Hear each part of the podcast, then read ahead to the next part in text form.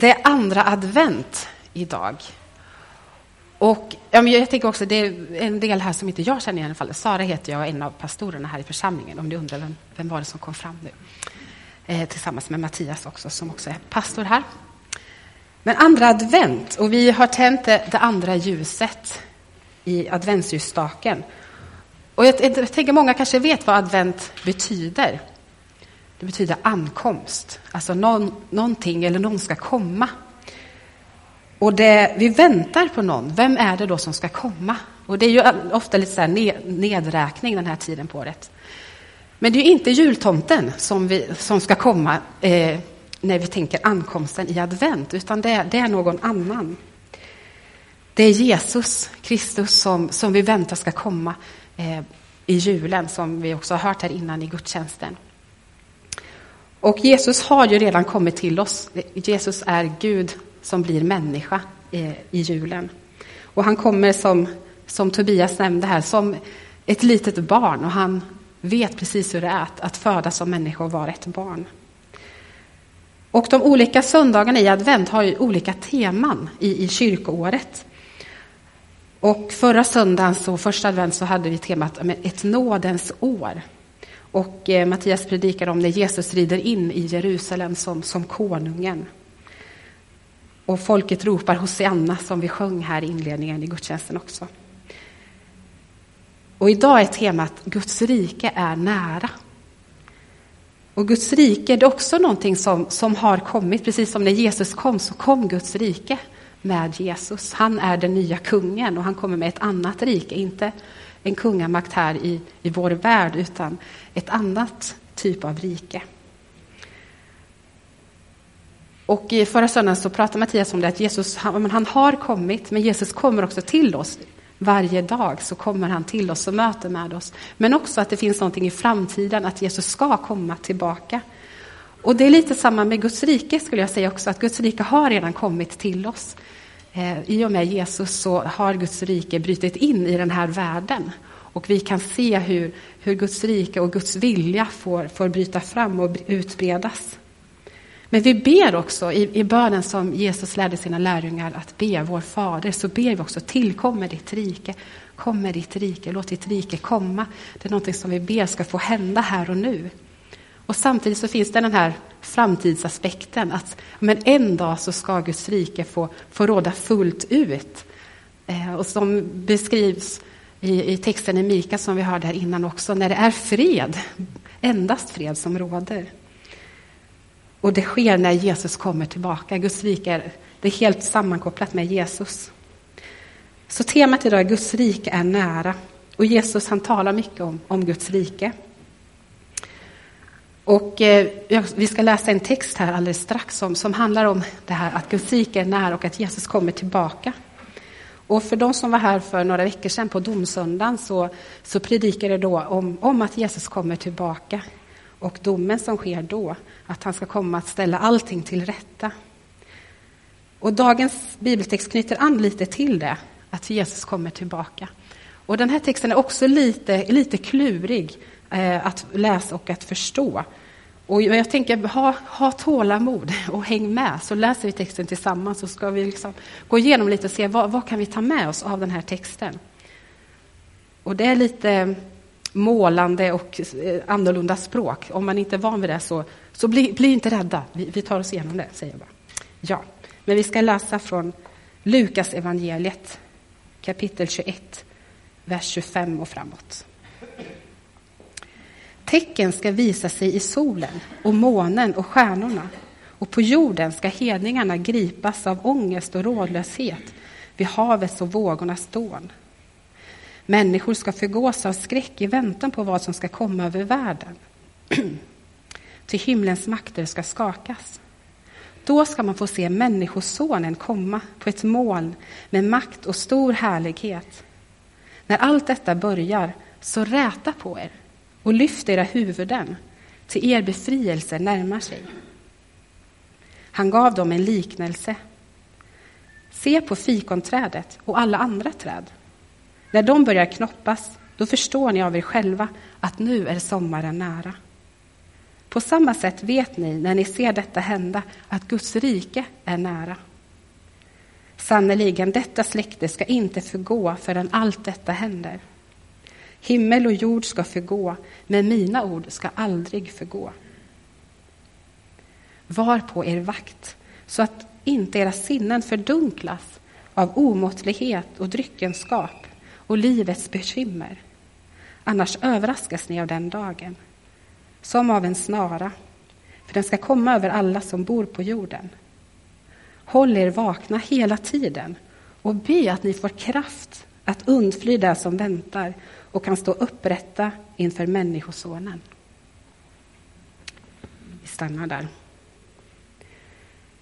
Och det här språket är ju väldigt målande och det är liksom grandiosa bilder här på något sätt vad som ska hända. Och jag tänker att en del av er kanske, särskilt kanske ni som är lite äldre, kanske har hört predikningar eller utläggningar av, av, liknande texter som har varit skrämmande och man har liksom gått hem och känt sig helt eh, skrämd och nedtyngd. Ehm, och det är inte det som jag vill åstadkomma i predikan idag och det är inte det som jag tror eh, Guds ord här vill förmedla heller.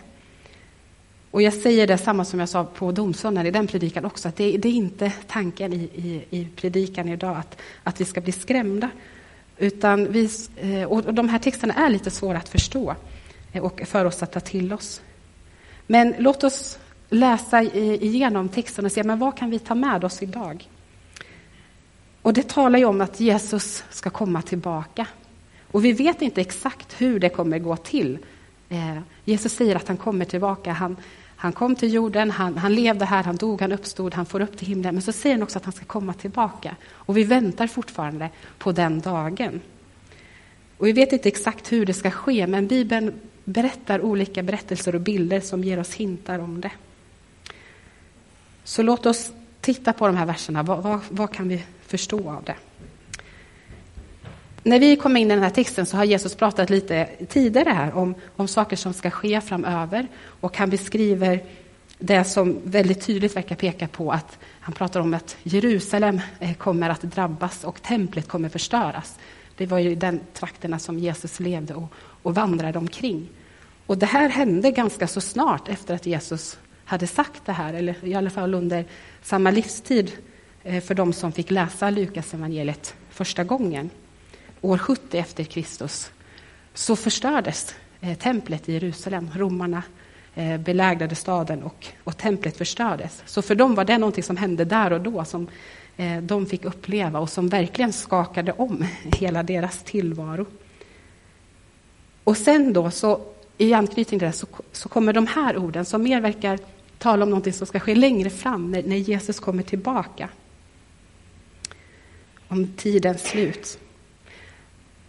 Jag kommer titta lite på vers, vers för vers här. I vers 25 så, så pratar Jesus om att, att tecken ska visa sig, solen och månen och stjärnorna, och det pratas om havet och vågorna dånar. Det är någonting som märks i hela skapelsen. Det är någonting som, det är inte bara på en, en lokal plats det händer någonting, utan det är överallt. Och eh, jag försökte läsa lite olika bibelforskare hur man ser på det här, så en del menar att, ja, men det att Eh, att det också kan vara en bild för hur ja, men solen, månarna och stjärnor, liksom det här eh, makterna i skapelsen, att det också kan vara en bild för ja, men makter i världen, för kungariken och eh, makthavare, att, att det skakas eh, i sina grundvalar på något sätt. Och så står det om, om människor, det står om hedningar, och i det här sammanhanget så, så verkar det handla om att det är liksom, ja, men alla människor från alla olika språk och kulturer i Bibelns värld så var det liksom, man skilde på hedningarna och på judarna.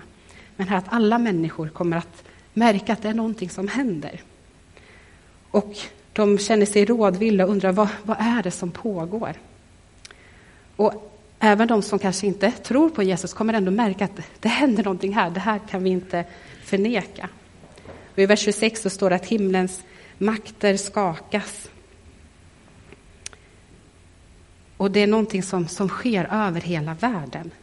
Hela världsordningen skakar om och människorna upplever skräck inför det som händer. Vad, vad är det som händer med vår värld?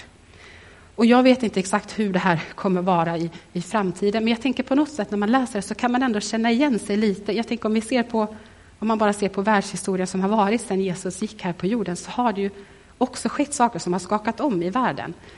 Jag tänker på världskrigen, när det var ja, men makter som skakades om och när eh, man nog kände att ja, nu, nu är slutet nära. Och för oss som lever idag så är det också saker som skakar om i världen.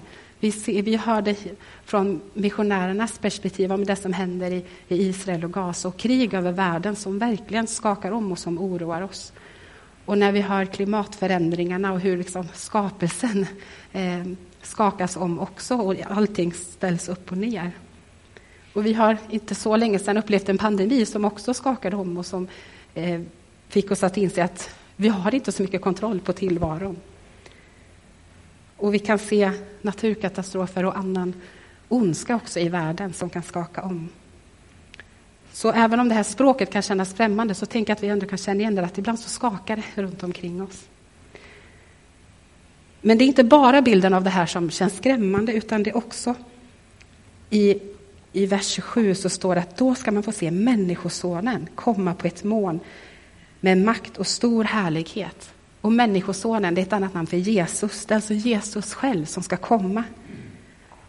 Och bilden av att han kommer på ett moln med makt och härlighet. Han kommer så att alla kan se det. Det är inte bara några få som får möta honom, utan alla människor får se Jesus.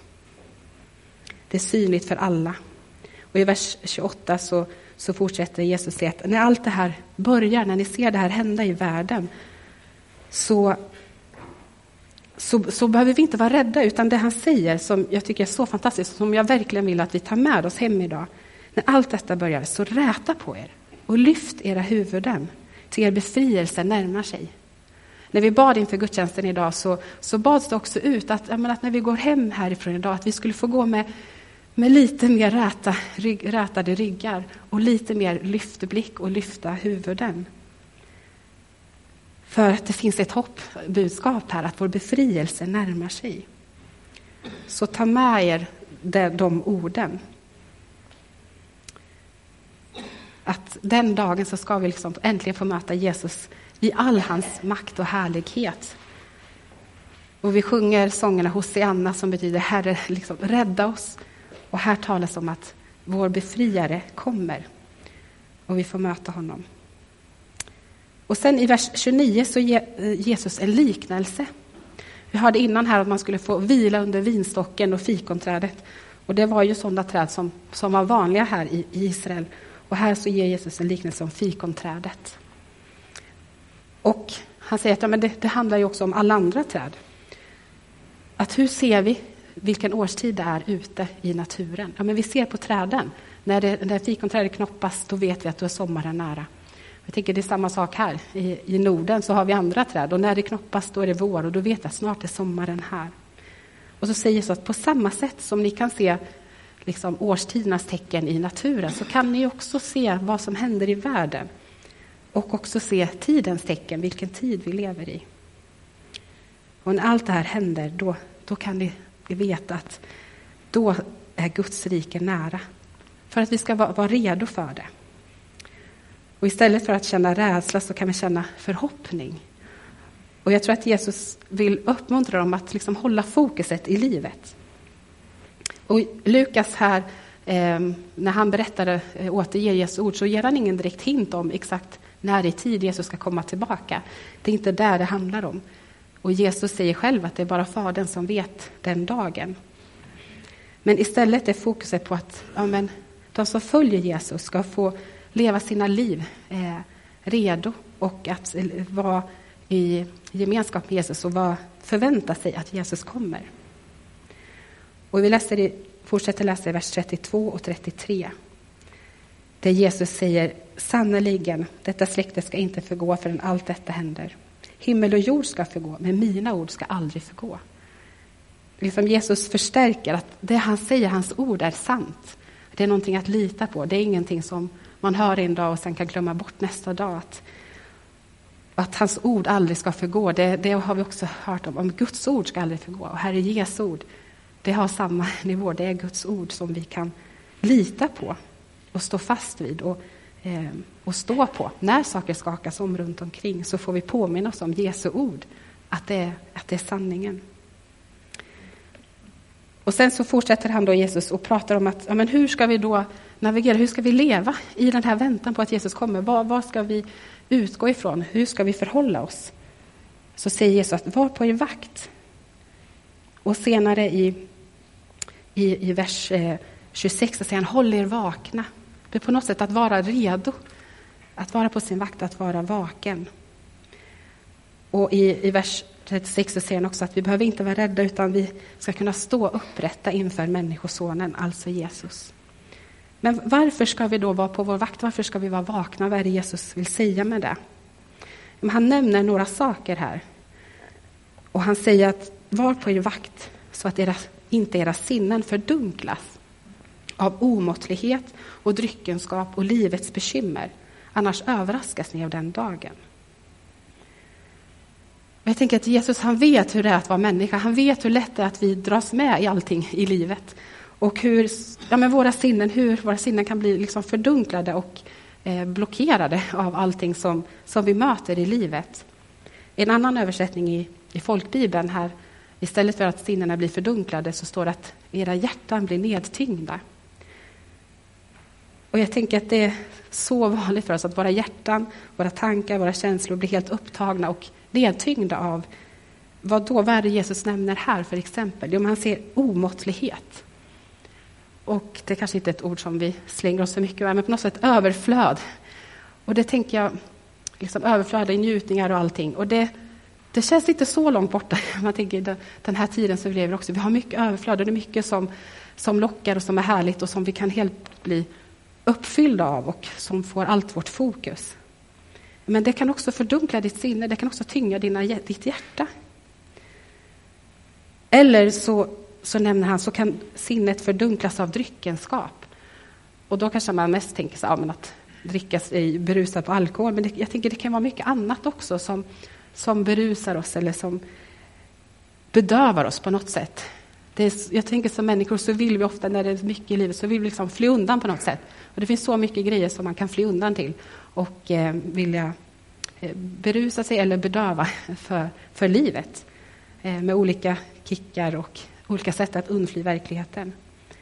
Och det kan liksom tynga ner våra hjärtan, det kan fördunkla våra sinnen. Och sen det tredje Jesus nämner, och det här tänker jag är väldigt vanlig för oss, livets bekymmer. Hur ofta fördunklar inte det vårt sinne eller tynger inte det våra hjärtan? Livets bekymmer. Men kanske varje dag ungefär. För några av oss i alla fall. Och visst kan vi känna igen oss i det, att livets bekymmer kan verkligen liksom bli helt överväldigande för oss. Och det tynger ner våra hjärtan, det tynger ner och det, det, det dunklar våra sinnen och vår, och vår sikt och vår blick att se. Och jag tänker när man är tyngd av livets bekymmer och de här andra sakerna också, så är det som att man blir helt upptagen av det som är här och nu och synen blir ganska så kort, kortsiktig. Man ser bara det som är här just framför sig och man, man tappar lite eh, riktningen eller fokuset framåt. Och vi kan också drabbas av, av hopplöshet och, och missmod. Och det är som att Jesus han vet att så här är det i livet att vara människa och han vill liksom uppmana oss att men, var på er vakt, var, var uppmärksamma på era liv. Vad, vad händer i era hjärtan? Vad, vad är det som tynger ner era liv och som tar ert fokus? Låt inte det dra ner er, utan lyft er blick, var redo. Kom ihåg att, att jag är med dig och jag går med dig och jag, jag kommer också tillbaka. Det, det, det finns en framtid och ett hopp. Det är inte så här det kommer vara för alltid. Och jag tänker, men om vi lever bara i allt det här som, som tynger ner oss här och nu, då blir det svårt för oss att liksom leva med den förväntan. Att det blir så, men jag är så fylld av, av mina bekymmer och mitt liv och sen, så, just det, Jesus, du skulle komma tillbaka. Ha, vad har det med mitt liv att göra? Det, det kan bli väldigt främmande och distanserat för oss. Men det är som att Jesus han vill uppmuntra oss och säga att men du kan leva ditt liv på ett annat sätt. Även om det är det här som verkar vara det övergripande sättet att leva i den här världen så finns det ett annat rike.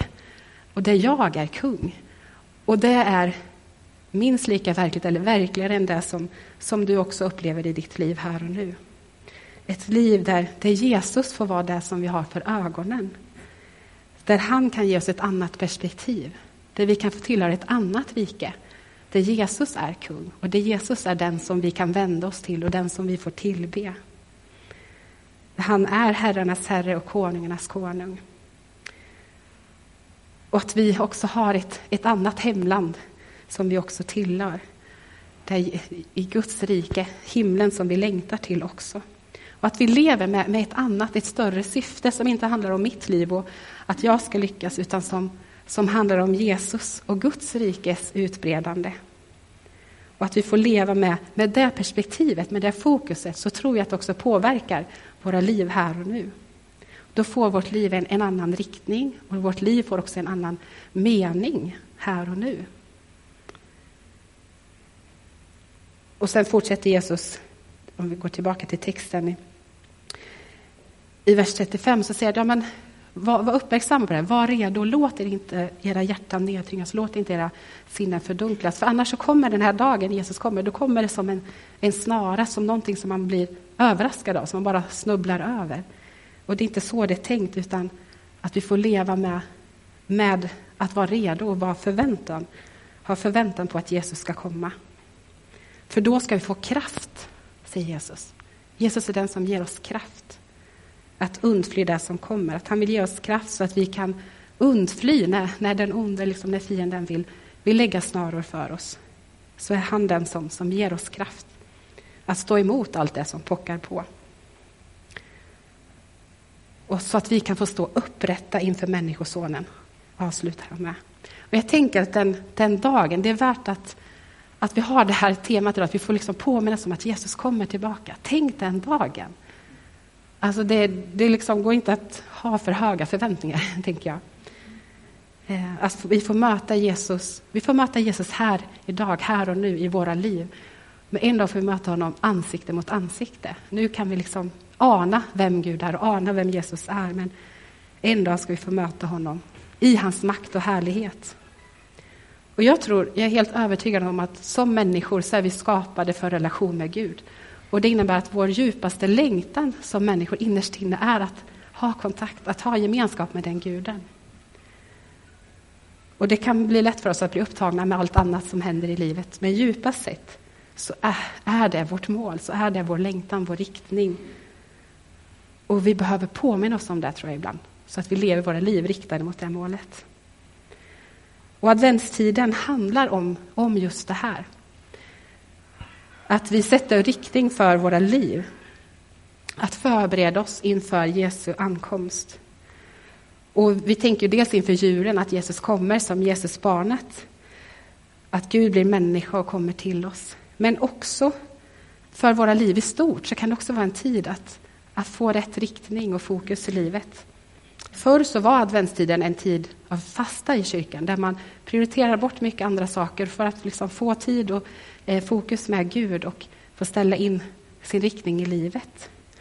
Och idag så kanske det snarare är tvärt emot fasta. Vi, vi äter väldigt mycket fika och lussebullar och det, det är härligt, och det är härligt tänker jag. Det, det är inget fel i det. Men jag tänker att vi låt oss inte tappa bort den möjligheten som det också kan vara att ja, men i den här nedräkningen, i det här fokuset på att Jesus kommer, att vi också använder den tiden för att liksom se över våra egna liv. Vad, vad, vad är min riktning i livet? Vart eh, leder mitt hjärta mig just nu? Är, är, det, är det rätt kurs eller behöver jag justera någonting? Och ställa frågan, men vad tynger ner mitt hjärta? Vad är det som fördunklar mitt sinne? Vad behöver jag hjälp med? Och var, vart behöver jag finna kraft för att, för att leva mitt liv som jag egentligen vill?